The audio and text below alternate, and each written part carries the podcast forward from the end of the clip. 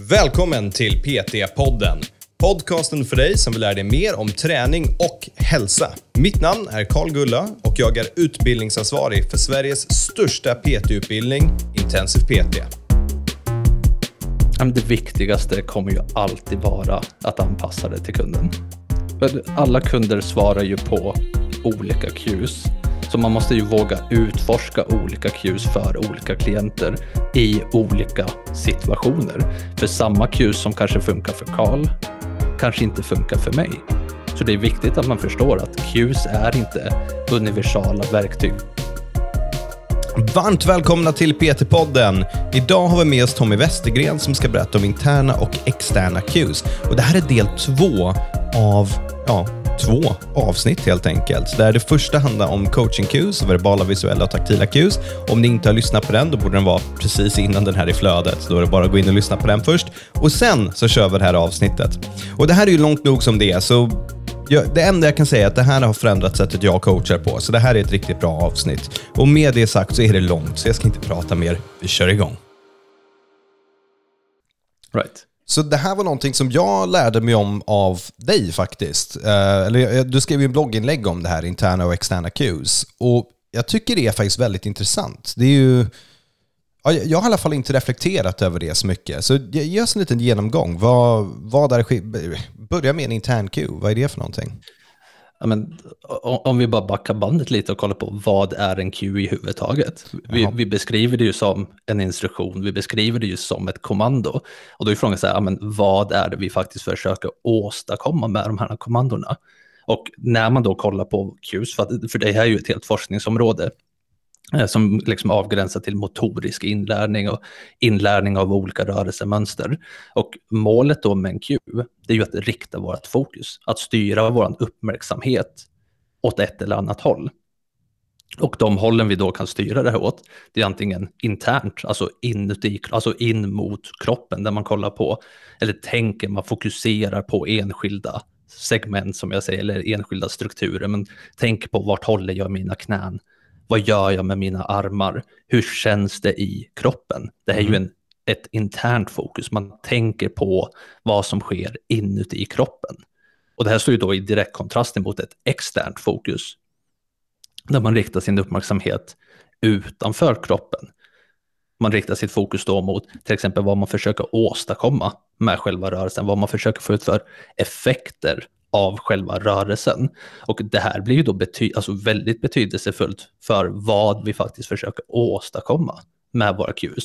Försöker vi rikta fokuset internt eller försöker vi rikta fokuset externt? Så är det här liksom, det, är det jag som PT som är så här, nu ska jag använda en intern cue eller en extern cue? Eller är det liksom resultatet av hur en person tänker och upplever känslan i rörelsen? Nej, det här är ju någonting vi styr. Vi styr det här direkt med de cues vi använder. Beroende på vad för typ av cue vi använder så kommer vi ju rikta fokuset antingen inåt eller utåt. Ta till exempel det här med taktila cues som ett exempel. Om du sätter ditt finger på en persons biceps och säger spänn din biceps. Det här är ju ett internt fokus för att man uppmärksammar ju då känslan av att kontrahera sin biceps. Mm. Och då har ju vi styrt klientens fokus till deras biceps. Om vi istället till exempel ska göra en skivstångscurl och så säger man, ja men kläm ihop, eller liksom för armbågarna in emot varandra. Ja, men då blir det ju att man försöker ju föra armbågarna in mot varandra. Men det här är ju ingenting man kan göra om man har en skivstång som hindrar rörelsen. Men då riktar man ju fokuset emot en, alltså en uppgift som klienten ska utföra. Och det resulterar ju då i att man kommer supinera sina armar och man kommer då kontrahera sina biceps hårdare. Men man har ju inte sagt supinera dina armar, spänn dina biceps, utan man har sagt dra ihop armbågarna. Och då blir det att beroende på vart det är man riktar sin uppmärksamhet så får man ju skilda effekter av rörelsen. Så om man jämför typ eh, brösta upp, det, det, är ju en intern cue för man tänker på bröstkorgen, men vi, mm. det är ju fortfarande på något sätt lite externt också, för vi skapar en viss känsla i rörelsen. Eller om man istället skulle säga ha en stoltare hållning eller streck på dig. Det, det skulle då vara en extern mm. cue som är ute efter samma sak. Och då är vi inne i mm. verbala cues. Precis, och, och det är där man säger att verbala, visuella, taktila cues, de kan ju delas in, eller alltså man kan ju utföra dem med internt fokus och externt fokus. Så egentligen blir ju internt och externt fokus är ju den stora gruppen och så delar man in olika cues under de grupperna. Och då blir det ju en fråga om vad är det vi faktiskt försöker åstadkomma med våra cues. Och då blir det att externa cues och interna cues har ju olika möjligheter till att styra olika fokus. Där just interna cues kommer ju alltid vara lite mer begränsande än externa cues.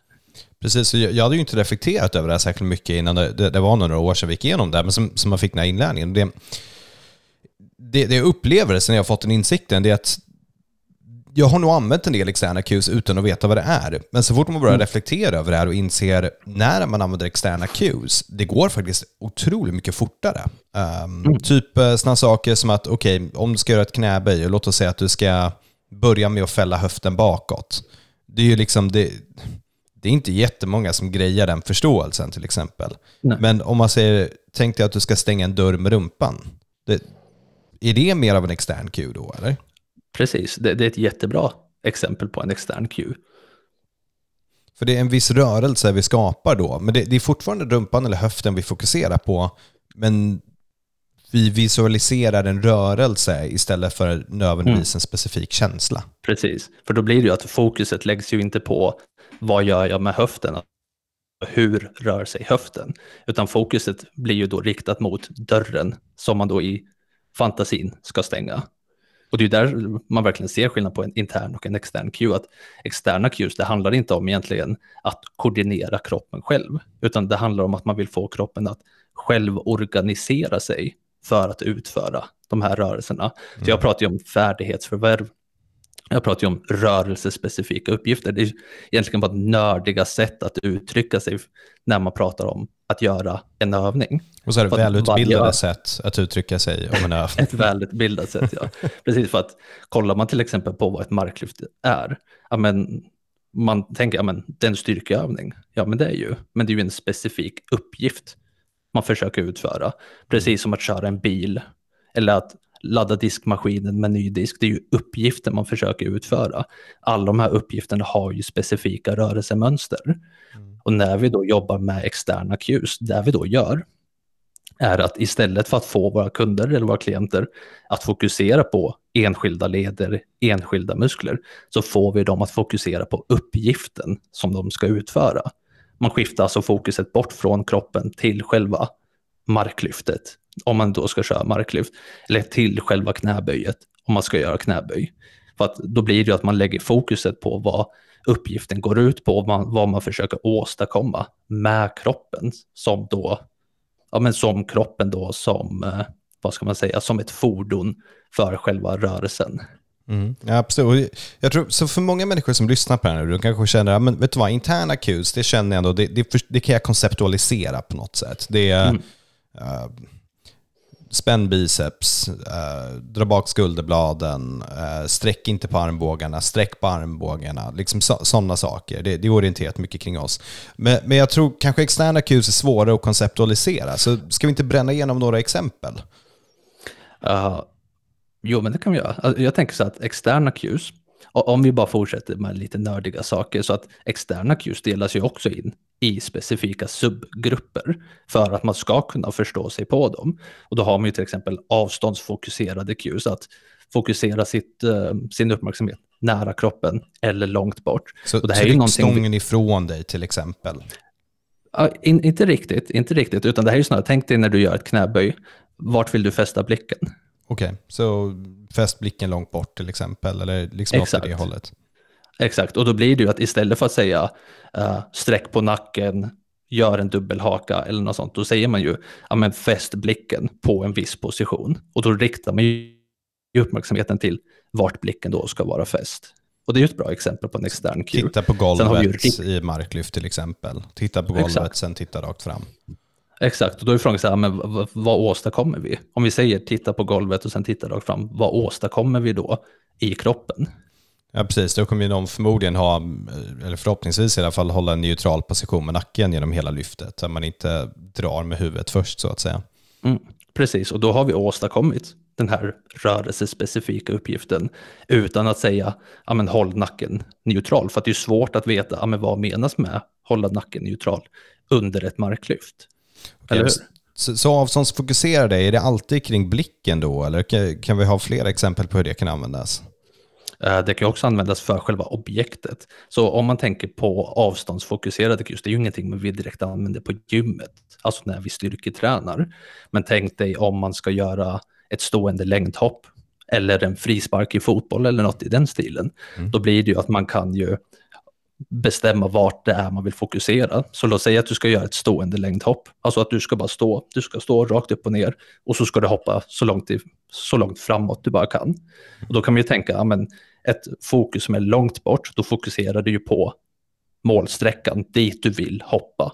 Om du ska fokusera på vart som är nära, då fokuserar du på vart du har dina fötter. Ja. Och det, det, är ju inte ett, det är ju inte ett jättebra exempel, men ta fotboll som ett exempel istället. Långt ifrån, ja, men då fokuserar du på målet dit du vill sparka bollen. Nära, då fokuserar du på vart bollen ligger. Det är två distinkta skillnader mm. i uppmärksamhet. Absolut, absolut. Och det är, jag vet, de få gångerna jag spelar golf, då har de alltid sagt kolla på bollen. Um, mm. För att man ska se vart man slår. Sen vet inte jag, det mm. kanske förändras om man kollar längre bort när man har blivit bättre. Men jag utgår från att folk inte står och tittar rakt fram och sen bara svingar bollen där följer man ju med. Men det, då är det mm. man skiftar fokuset kring slaget, så att säga. Precis. Och, och nu sa du någonting intressant, för du säger du är ny till golf, eller hur? Du har inte mm. golfat jättemycket. Nej, jag, jag har golfat det... för mycket för att fortfarande vara ny till golf. Men ja. okay. men, men, men, det är ju där man ser, till exempel, när man faktiskt forskar på det här. För att då kollar man ju på men hur lär man sig bäst beroende på vilket stadium av inlärning man är. Och tar man en total nybörjare, då verkar det som ett nära avståndsfokus är bättre.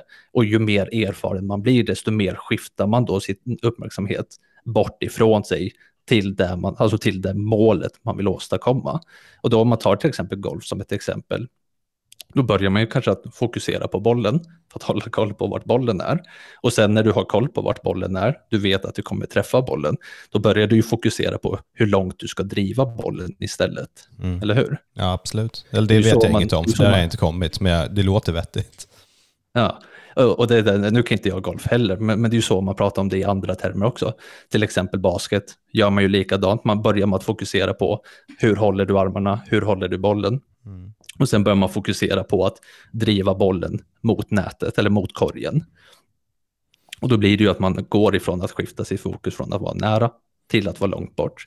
Men alltså, har du någonsin använt det här med dina klienter? Alltså avståndsriktade fokus? Nej, det, det enda exemplet jag kan komma på det är blicken i det här fallet. Mm. Vart man fäster blicken. För jag antar att du skulle inte säga du, du, skulle väl kunna säga saker som för skivstången nära kroppen eller långt ifrån kroppen. Um, Mm. Eller dra skivstången mot benen till exempel. Men, men jag tror att det inte är ett avståndsfokuserad cue. Jag tror bara att det är Nej.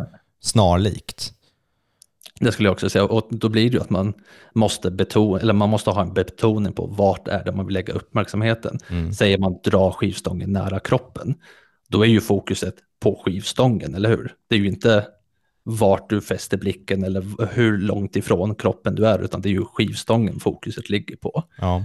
Så jag, skulle, så jag skulle inte säga att det är avståndsfokuserat. Och det är ju där det blir, liksom, man ser ju att det finns kanske ingen större användning för den här typen av cues just som PT när man jobbar med styrketräning. Och bara för att förtydliga, det är inte externa cues vi pratar om nu, utan det är avståndsfokuserade cues med en subkategori av externa cues. Så ingen som lyssnar Precis. missförstår där. Precis, och en avståndsfokuserad cue är ju en typ av extern cue. Um, men jag tänker riktningsfokuserade cues blir ju då nästa grupp man kan prata om. Och det är väl ändå någonting vi använder hela tiden inom styrketräning. Så tänk dig riktningsfokuserat, då är det som att man fokuserar antingen emot kroppen eller bort ifrån. Mm, absolut, tryck vikten ifrån dig, dra skivstången mot dig. Just dra, dra skivstången mot dig, är, är det riktningsfokuserade? Ja, det skulle jag säga att det är. Det är en cue som jag upplever aldrig funkar. Är det så att någon har skivstången ifrån kroppen, om man säger dra den nära kroppen, dra den nära kroppen. Det, det är en sån här cue som jag upplever, det, det gör aldrig någon skillnad över tid. För folk kanske gör annorlunda en gång, två gånger, sen är de tillbaka där varenda gång.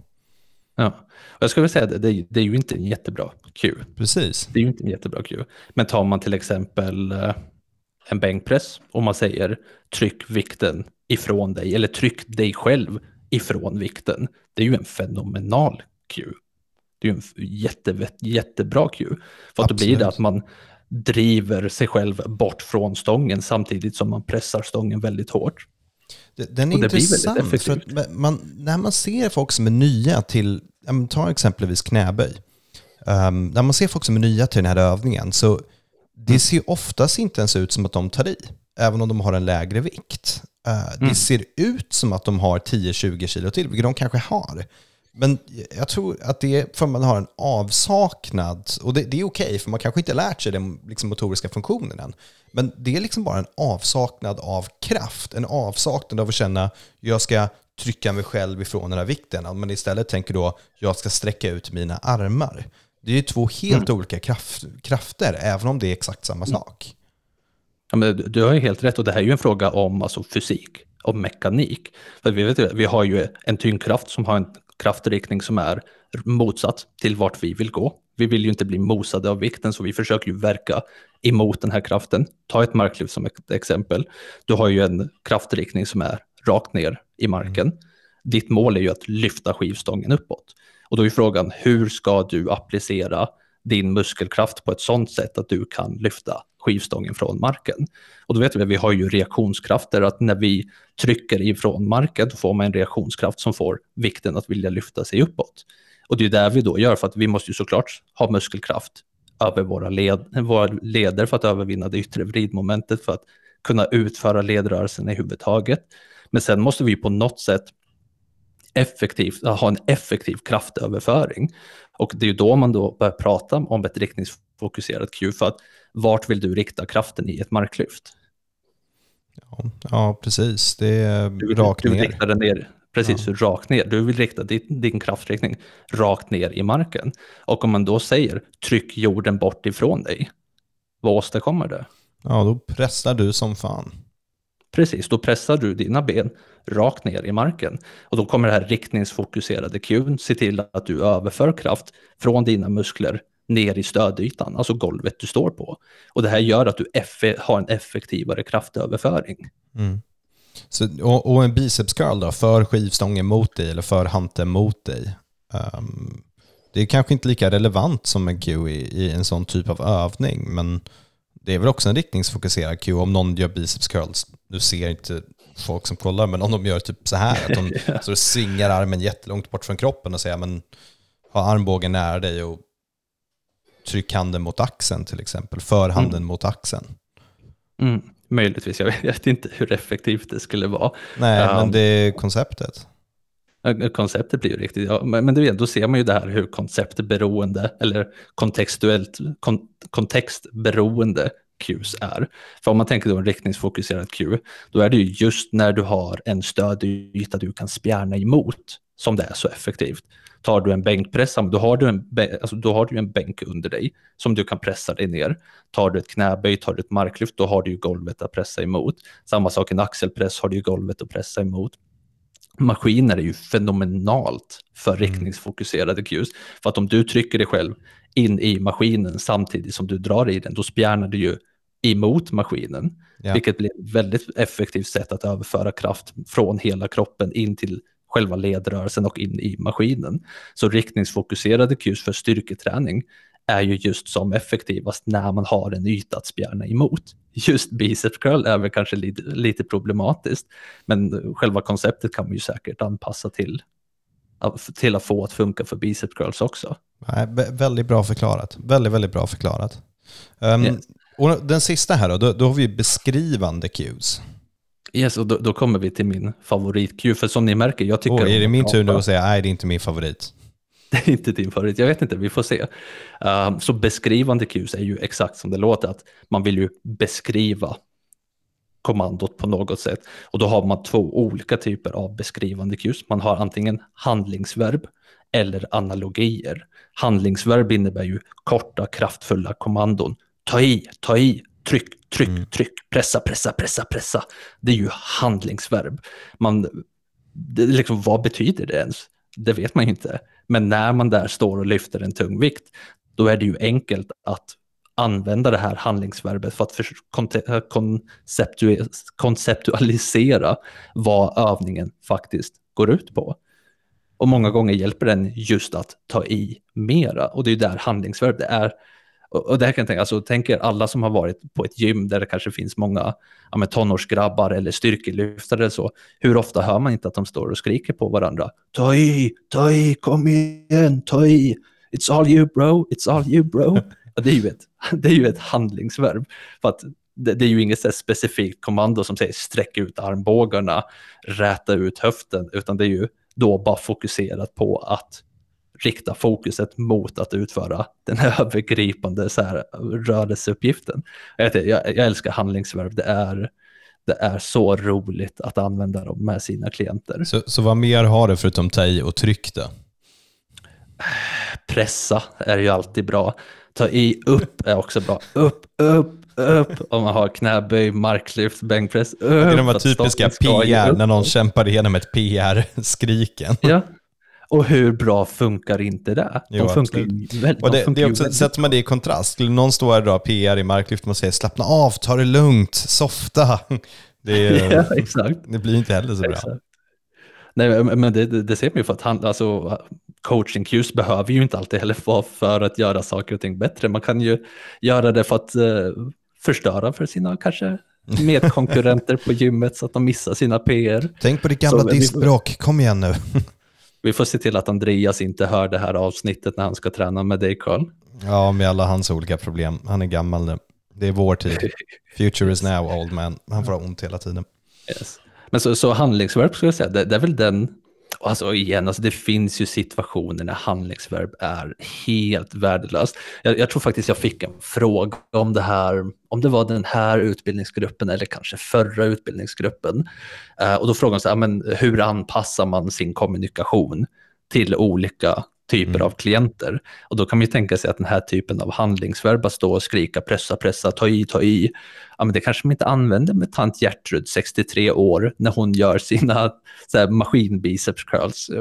Så, så, det gäller ju som vanligt att... Ja, men det, det är väl, det... Den kan ju urvattnas också ganska mycket. Och det, det här har, det har vi ändå hört ganska mycket. Och det, tant Gertrud kanske också vill att folk skriker åt henne då och då. Men det, har du någon mm. som skriker åt dig hela passet, det, det, kommer förmodligen det, det kommer tappa sin funktion. Man kommer bli trött av det. Man kommer inte orka mm. lyssna längre. Man kommer inte få någon extra motivation. Så just mm. de beskrivande cuesen och, och ta i tryck, det, det kanske finns en tid och en plats för dem. Och så får man komma mm. ihåg också med, med nya personer, folk som är lite nyare till gymmet, då kanske det är så här, men vadå, jag tar i, jag trycker. Den, den är väldigt vanlig. Och man är så här, men vadå, jag, jag gör det bästa jag kan, varför vill du att jag ska göra mer? Då bara, nej, nej, nej, jag, jag försöker bara motivera dig att göra ännu mer. Så bara, men jag tar det här som en avsaknad av att jag tar i. Då bara, men det är inte det mm. jag menar. Så även här får man vill ha någon sorts uh, förståelse för vilket humör personen är på och, och vart de är. Ja, men, men, så, och jag vet ju, jag, jag har en det, det, var en gång, det här är ganska många år sedan, men jag höll på och gjorde typ axelpressar. Jag tror jag värmde upp, jag var uppe så här, men 60 kilo, 70 kilo, fortfarande så här uppvärmningsvikter, kanske 10-15 bort från min arbetsvikt. Och så kom en kille på gymmet som uh, var så här, komp alltså han, var, du vet, han kände inte mig, men han var kompis till människor som jag pratade med på mm. gymmet. Mm. Och de vet ju hur stark jag är, de vet ju vad jag tar för vikter, så de ignorerar ju mig när jag håller på att värma upp. Och så kommer han när jag går in och ska göra typ en tvåa på 70 kilo som är så här RPE 7 för mig då. Han bara, Åh, kom igen, ta i, gör en till, gör en till. Och det är så här typiskt, gör en till, gör en till. Det är ju ett handlingsverb. Yeah. Och jag bara, men skojar du med mig? Alltså det, det är ett uppvärmningssätt, jag ska inte ta i. Yeah. Jag ska inte ta i nu, det här är enkelt för mig. Jag vill inte det, det, jag vill inte göra då. en till. Det blir väldigt fel. Um, det, det vi har sagt att det, det, kan användas som analogier också. Alltså metaforer, sådana saker. För, jag menar, pressa jorden ifrån dig i ett marklyft, mm. det är också ett handlingsverb, va? förutom att det är fler ord. Ja, det är lite för många ord. För ja. man ett handlingsverb, det är ju Men, men det är ju samma koncept, ord. det beskriver ju vad vi är ute efter. Exakt, en extern Q. Och det är där man ser, det är ju samma koncept av allting, det är ju en extern Q. Men analogier, de är ju mer, de är mer beskrivande i sin utformning. De är lite längre.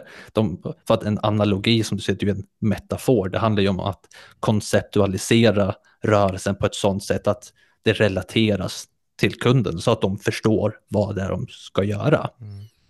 Och så. analogier, det är ju min favorit, för att som ni hör, jag tycker om att prata, jag tycker om att prata väldigt mycket, så analogier, det är min favorittyp av Q. För att man, sätter, man kan då relatera till klienter på ett sånt sätt att en väldigt svår övning eller en väldigt svår rörelse blir väldigt enkel att utföra. Så har du sett folk på gymmet som gör sidolyft? Absolut. Dumbbell races med hantlar. Absolut, en av de övningarna man är svagast i. som man är absolut svagast i. Och då brukar man säga, man ser ju det här ganska vanligt, att folk står och, eh, hur ska jag då beskriva, flaxar med armarna. Visst, absolut. Du känner igen det, de står och flaxar med armarna. Ja, man, man har alltid med ett externt fokus. Man försöker dra ut, eller inte externt, men man tänker på den objektet som är längst ut och försöker driva ut handen, ser det ut som lite mer. Precis, precis. Och då blir det att om man ska beskriva det här på något sätt så att man förstår vad man menar. Så om man flaxar med armarna som en fågel, ja, men då blir det att man riktar ju handen, man kanske tumsidan kommer uppåt, handflatan mm. riktas mot väggen bakåt, armbågen är ganska långt ner och så står man och viftar med vikterna väldigt mycket. Man mm. flaxar med armarna, men det mm. man ska göra istället är att hälla upp en öl. Häll upp en öl. Hur häller du upp en öl? Ja, visst. Ja, och det är ju så en sidolift ska utföras. Så ni, så ni, ni som lyssnar på testa flaxa med armarna och sen hälla upp en öl. Ja, vi, står, vi står och gör det nu i webbkameran. Så flaxar vi står och gör det vrider upp en öl. Ja, absolut. Precis. Det funkar. En sidolyft går ju ut på att man ska ju abducera humerus i GH-leden. Man ska alltså mm. alltså rikta upp armbågen. Man vill gärna att lillfingret ska vara högre än, tum, äh, än tummen på handen. Mm. Och hur ser det ut då när man häller upp en öl? Ja, men man vänder ju på flaskan upp och ner. Absolut, den är super. Och då riktar och man också fokuset lite mer internt också, lite mer på den inre leden som ska jobba. Uh, att det är axelleden som ska röra sig istället för att tänka att det är här hamten som ska upp så långt ut jag kan åt sidan. Mm. Delvis mm. flax. Helt klart. Och, och det är det som är så bra med analogier för att istället för att försöka förklara komplicerade ledrörelser och förklara musklers funktioner så säger man sluta flaxa med armarna, häll upp en öl istället. Ja. Och då har man använt en metafor eller en analogi, en jämförelse som då sätter själva rörelsen i en kontext som kunden faktiskt, eller som klienten då faktiskt förstår. Ja, det, det är så spännande det här. Um, men vad, vad, säger forskningen om det här då? Liksom vad, vet vi vad som är bäst? Och, och, hur forskar man om det här? Är det så här, ja men Tommy, vilken Q tyckte du funkade bäst på dig? Uh, då skriver vi ner det. Nu är det här världens bästa Q. Mm, mm. Nej, men alltså, det här forskningsämnet är ju väldigt intressant. Nu har ju inte jag själv bedrivit någon forskning i det, det har ju inte gjort såklart överhuvudtaget. Men jag minns väldigt väl när, vi gick, eh, när jag gick min kandidatutbildning, då hade vi ju ett idrottslabb vi var i. Och då skulle man ju lära sig till exempel så här, amen, att jonglera och vi hade någon dansplatta man skulle öva på och grejer. Och då använde man ju sig av olika cues för att se vad, alltså hur bra man lärde sig de här rörelsemönstren. För det är ju vad det handlar om. Det handlar om att lära sig nya rörelsemönster, mm. nya färdigheter. Och när man då forskar på det, det man gör är ju att man har ju två olika grupper. Om det så är samma individer som randomiseras mellan grupperna eller om man jämför olika grupper med varandra. Och så har man ett testprotokoll som är du ska lära dig den här rörelsen, du ska lära dig den här färdigheten. Och så ger man olika cues till det. Och så mäter man det i ett retentionstest, ja, men vem har då lärt sig den här rörelsen bäst över tid? Och man ser då att externa cues är nästan alltid bättre. Spännande. Så det är, att använda de här olika metoderna, det är skitbra. Mm. Och särskilt när man jobbar med prestationsinriktad styrketräning. För att externa cues gör att man blir starkare, man presterar bättre, man har en högre kraftproduktion, man orkar mer och rörelserna utförs mer effektivt än om man har interna cues eller in, ett internt fokus. Ja, så då, då, kommer absolut sista frågan för avsnittet, vilket är nu har vi pratat, vi har verbala, visuella, taktila cues, vi har interna cues, vi har externa cues. När du är ny som personlig tränare eller även när du är erfaren ett tag så det är svårt att hitta orden ibland. Och nu har vi precis tagit någons verktygslåda, expanderat den, gjort den jättestor och de kanske inte haft någonting där i förut, så man vet liksom inte ens vart man ska börja. När du har en klient, hur ska du försöka tänka med vilka av alla dessa verktyg det är du ska använda? Det viktigaste kommer ju alltid vara att anpassa det till kunden. Mm. Alla kunder svarar ju på olika cues. Så man måste ju våga utforska olika cues för olika klienter i olika situationer. För samma cues som kanske funkar för Karl kanske inte funkar för mig. Så det är viktigt att man förstår att cues är inte universala verktyg som kan användas för alla i alla situationer, utan de är kontextbundna. Det gäller att pröva olika cues i olika situationer för att se vad som funkar då för klienten. Ja, och det, och det här är någonting som man, vi försöker betona väldigt mycket, bland annat då på vår praktiska helg, att om du ger någon en cue och den inte funkar, då är det inte du som har gjort fel. Vi vet ju inte när vi ger någon en cue om den kommer funka eller inte. Och om jag börjar försöka ändra någons rörelsemönster och ber dem göra någonting, jag har inte facit i hand och vet att det kommer funka. Jag har ganska mycket erfarenhet så jag vet vilka QC jag tycker funkar och vilka som inte funkar. Men jag, och, och, ibland kanske man har en relation med klienten så man kan liksom tippa på att ja, men det här kommer att funka eh, och det här kommer inte funka. Men stöter vi på en helt ny person, då har vi båda två precis lika stor chans att pricka rätt på första gången. Oavsett om du har gjort jättemycket QC och jag har inte gjort några. Så var inte för hård mot dig själv om det inte blir en förändring. Det, det, det du ska vara hård mot dig själv, det är om du står och upprepar samma sak om och om och om igen och det inte blir någon förändring. Då ska du gräva in i din verktygslåda och plocka fram nästa verktyg. Du kan liksom inte skruva i en skruv med en hammare. Eller du kan, men det är jävligt bökigt. Men helt rätt, helt rätt. Um, vad, vad, tänker du Karl förresten om uh, att använda många Qs? Hur många Qs använder du med dina klienter? Typ en. Det är, typ en? Ja, typ en åt gången. Uh, för det är ju ja. det här klassiska, skulle man få för mycket saker att tänka på på en gång, då kommer allt fallera. Så mm. det är ju, och det här har vi också tusentals bloggposter om, och det, det jag kommer göra är att vi har ju faktiskt skrivit en bloggpost som är det, vi summerar flera olika bloggposter, det är bloggpostception här, eh, om coaching, där vi bland annat pratar om hur mycket QC ska ges, lite olika sådana saker. Jag ska länka den i poddavsnittet, så där finns då i den länkat ännu mer olika bra material om just coaching. Men en viktig sak är att förstå att man försöker ta en sak i taget, en Q åt gången. Mm. Uh, och det här är då i själva träningsfasen, kanske inte inlärningsfasen, då, då kanske du får, ja men stå axelbrett, snyggt, bra jobbat, okej sträck på dig, snyggt, bra jobbat, nu har vi klarat de här två sakerna, vila lite, okej vi gör det igen, stå axelbrett, sträck på dig, okej bra, nu går vi vidare, nu lägger vi till nästa grej, då, då får det vara lite mer så.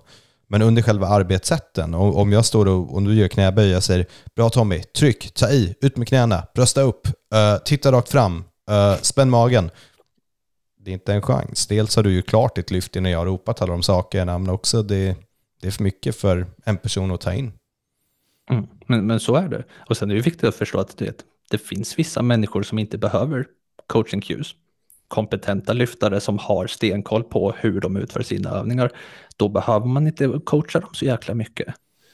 Ja, det är också man en väldigt för, bra poäng. Ja, för, för man, man, kan förstöra väldigt mycket också för att vi rör på oss på olika sätt och rörelsemönster behöver inte alltid se exakt likadana ut. Så ibland är det viktigt att förstå att man faktiskt inte behöver ge så många cues. Och det är då handlingsverb är så fantastiska för att då är man med, och, då är man med under sättet, man är involverad i träningen, men man stör inte utförandet. Ja, det, jag hade faktiskt, vi hade en praktikant hos oss förut för ett tag sedan uh, som hängde med så hängde med på ett av mina pass uh, och så frågade liksom efteråt, bara, du, du gav inte mycket cues på, den här, på din klients knäböj. Liksom, Okej, okay, men vad, vad hade du velat ge för cues? Sen, ah, men jag kan inte komma på några. Men, Nej, för han har tränat mig i snart fem år. Han rör sig jävligt bra. Han har några små mm. saker, men oftast är det slarv och då liksom försöker vi dra tillbaka honom. Men det behövs inte. Så istället så pratar vi mellan sätten, har roligt tillsammans och utmanar honom så han tycker det är kul att komma tillbaka. Så fokuset skiftar väldigt mycket från när någon är ny. Och även då ska du liksom inte så att varenda övning de gör behöver inte vara ett inlärningsmoment. Utan, men då, när de är nya, då kommer det vara mer sånt. Och när de är mer erfarna, då kommer det vara mer mm. ha roligt och hålla motivationen uppe. Helt rätt, helt rätt. Och jag tycker du, du sa ändå någonting väldigt viktigt där, för att allting behöver inte vara inlärningsmoment heller. Coaching Qs är ju ett redskap vi använder för att absolut coacha våra klienter. Men det är ju också en arbetsmetod vi använder för att faktiskt vara, vara involverade under träningspasset. Att inte bara stå och hålla käften hela träningspasset, utan faktiskt vara involverad i vad våra klienter gör. Och då behöver det inte vara fokuserat på att vara ett inlärningsmoment som du säger, utan att bara finnas där för klienten också. Ja, absolut. Var en person som ger dem skäll om de inte kommer. I stort sett. Och sen kan man mm, vara väldigt mycket bättre än det också. Ja, helt klart. Du Tommy, jag tror det börjar bli dags för oss att avrunda här. Så um, jag vill verkligen passa på att tacka för att du tog din tid och delade med dig om dina tankar av Qs. Uh, det här var en väldigt intressant konversation och vi får definitivt se till att inte vänta 130 avsnitt med att ha dig med igen. ja, du vet vart jag finns Karl. Du vet vart jag finns. Ja, vi tar det här direkt efter nästa måndagsmöte. Hörni, tack så mycket för att ni lyssnade allihopa och ehm, ja, kör hårt. Det där var ett handlingsverb va? Det var det.